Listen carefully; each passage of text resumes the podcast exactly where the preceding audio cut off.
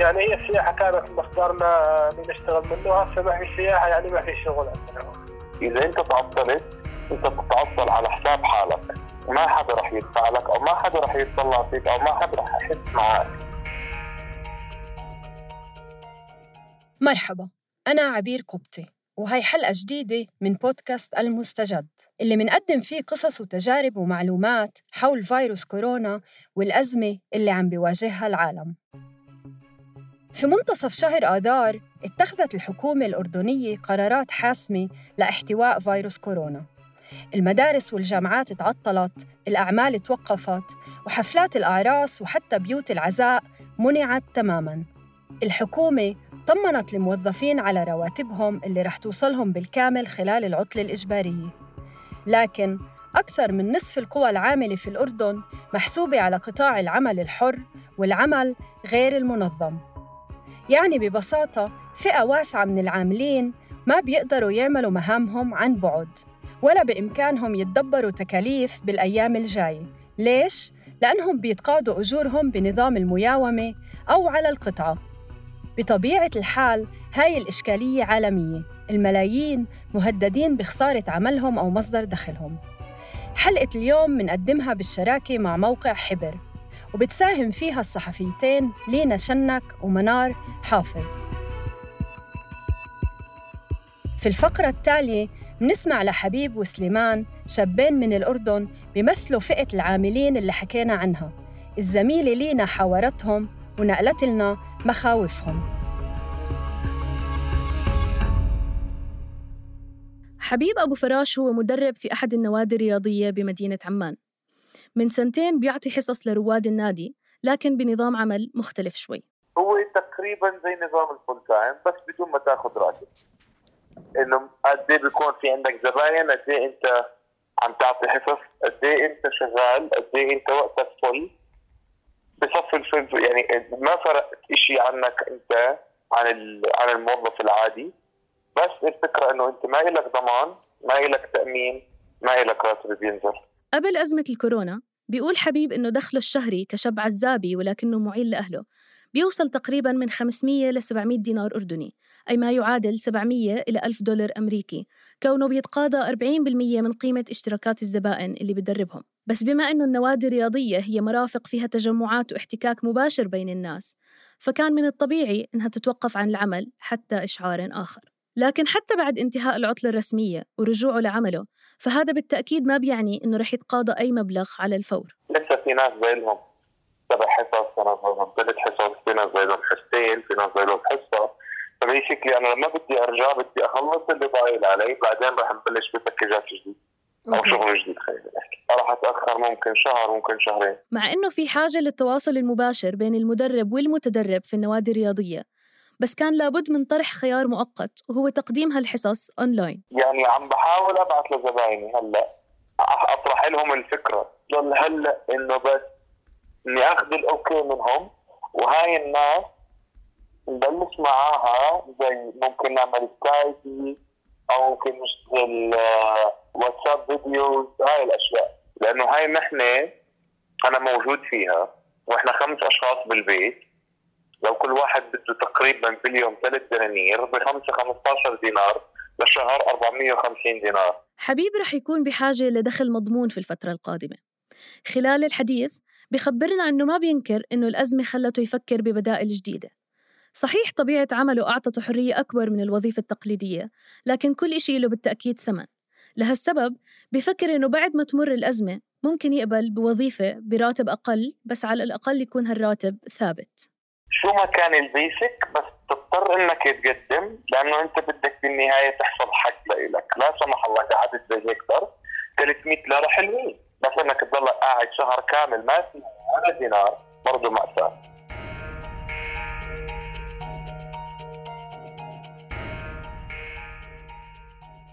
سليمان الحساسين هو شاب تاني في الأردن بيواجه مصير مش واضح خلال الفترة الجاي.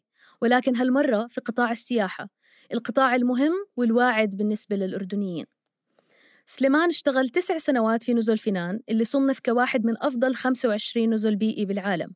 ولاحقاً قرر أنه اكتسب الخبرة الكافية لياخد خطوة جديدة بمجاله. مع الإقبال على السياحة في الأردن بدأ يشتغل لحسابه الخاص. كنت دليل محلي يعني كنت أخذ السواق على المشي في ممرات عندنا يعني طبيعية فكنت أنا دليل يعني اخذهم ونعملهم رحلات يعني يومية. أربع ساعات ست ساعات ثمان ساعات يوميا يعني. بالإضافة للرحلات بين المحميات الطبيعية ومدينة البتراء الأثرية فكر سليمان بإنشاء مخيم سياحي ليستقبل فيه الزوار المتلهفين لاستكشاف البلد وكان على وشك البحث عن داعم أو شريك لمشروعه. لكن لسوء الحظ تزامن بدء موسم الربيع السياحي مع تفشي فيروس كورونا واللي حرم الملايين حول العالم من الحركة والسفر. وعلق طموحات سليمان لوقت غير معلوم. هو عادة تبلش هاي الرحلات من شهر ثلاثة لشهر خمس يعني يكون في ناس كثير يجوا على الأردن عشان آه، يكون موسم الربيع ومناسب للمشي والرحلات والتخييم. كنت متفائل إنه شهر ثلاثة يعني نبلش نشتغل. يعني حتى كان في عندي في شهر اثنين شغل بس التغى كمان. السبب إنه آه، يعني إيطاليا هي أول دولة سكرت حد... الأردن سكرت حدودها مع إيطاليا. كان عندي يعني ناس جايين من إيطاليا و... ووقف الطيران بيننا وبين ايطاليا سليمان بخبرنا أنه ساكن في منطقة نائية بتحيط فيها معالم سياحية. لذلك العمل في السياحة بالنسبة لكثير من الأهالي في هالمنطقة هو خيار وحيد وبشكل المصدر الأساسي للدخل. بالرغم من صعوبة الوضع الحالي وخصوصا أنه بقية أفراد العائلة متزوجين ومتحملين مسؤوليات عائلاتهم لكن بضل عند سليمان شوية أمل. والله نمر في ظروف صعبة فنتمنى إن شاء الله أن تتحسن في الأشهر القادمة. وترجع السياحة يعني و... يعني كل البلد يستفيد منها يعني مو بس أشخاص يعني. حبيب وسليمان هم اثنين فقط من أعداد كبيرة من العاملين المصنفين كعمالة غير رسمية واللي رح يعانوا من ضائقة مالية في ظل أزمة كورونا وتداعياتها بحسب منتدى الاستراتيجيات الأردني. مؤخراً المؤسسة العامة للضمان الاجتماعي أعلنت عن مساعدات عينية رح تقدمها لعمال المياومة المتضررين. وتعالت أصوات كثيرة في المجتمع الأردني لتقديم الدعم لهؤلاء العمال وعائلاتهم.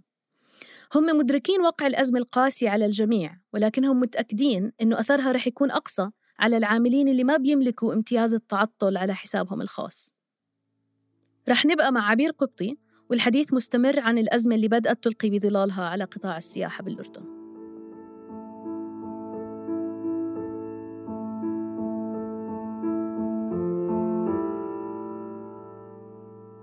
السياحة نفط الأردن. هيك صار ينظر لهذا القطاع الواعد اللي بيوفر فرص عمل ل 53 ألف شخص.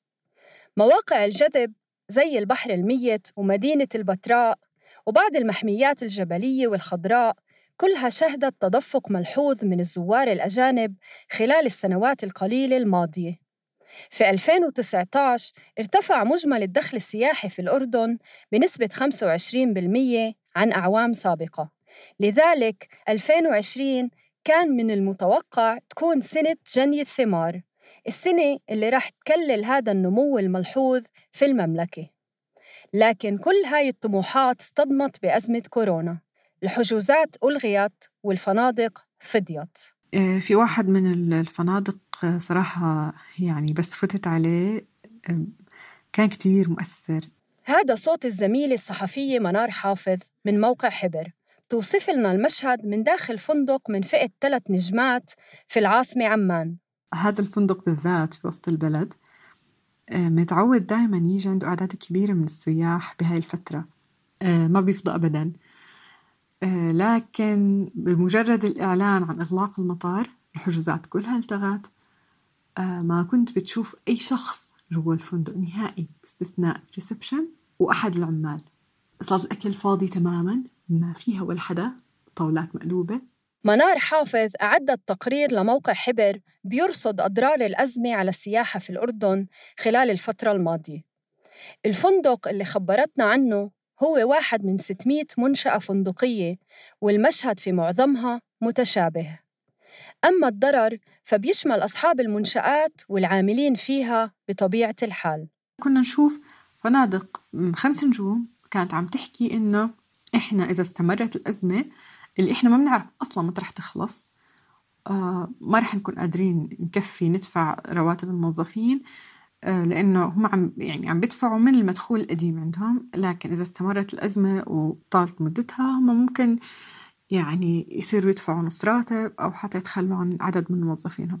فما بالك عن آه، فنادق اللي مثلا ثلاث نجوم أو نجمتين أو حتى الهوستل. فعلياً بعض المنشآت الفندقية الصغيرة اتخذت هذا الإجراء في مرحلة مبكرة. كان من ضمن القصص الصراحة اللي أثرت فيه واحد من الشباب اللي كان بيشتغل شيف في فندق صغير راتبه ما بتجاوز 300 دينار. هو أصلا كان مضطر يخلي مرته تشتغل. آه، كان تشتغل عملت نظافة في نفس الفندق. وبرضه راتبها ما بوصل 300 دينار. آه، عندهم ولدين صغار. وكان خايف إنه أصلا من انهيار أسرته انهيار زواجه لأنه أصلا ما عنده بالأساس هو دخله غير كافي بالنسبة له. راتبه رايح قروض ورايح على إيجار البيت. فكان عم بتساءل إنه أنا طيب بهذا الوقت كيف رح أقدر ألاقي شغل تاني؟ يعني بالنهاية كان قرار المنشأة اللي هو بيشتغل فيها إنها توقف عملهم. إلى حين انتهاء الأزمة. وقف رواتب بعض العاملين جاء رغم قرار وزارة العمل الأردنية بإلزام القطاع الخاص بدفع 50% من الرواتب بالفترة القادمة. الجهات الرسمية كمان أعلنت عن إجراءات للتخفيف من حدة أزمة فيروس كورونا. عملت اتفاق مع أكثر من 30 فندق لإستخدامها كمراكز للحجر الصحي. واللي رح يكلف الحكومة الأردنية ملايين الدولارات. الإجراءات شملت كمان حماية العاملين في القطاعات الأكثر تضرراً ومنها السياحة ومراعاة الفنادق في بعض التزاماتها المالية. لكن أصحاب المنشآت السياحية بيشوفوا إنه الموسم بكامله ضاع وإنه تأمين رواتب العاملين رح يكون صعب جداً خلال الأزمة اللي مش معروف لها نهاية حلقة اليوم انتهت. قدمنا لكم إياها بالشراكة مع موقع حبر. بالحلقات الجاي بتسمعوا لقصص وتجارب أخرى متعلقة بهذا المستجد الاستثنائي اللي بتواجهه دول العالم. بودكاست المستجد من إنتاج صوت. كنت معكم في التقديم عبير كبتي في الكتابة محمود الخواجة ولينا شنك. في التحرير لما رباح. وفي المونتاج تيسير قباني. كونوا بخير وعافية.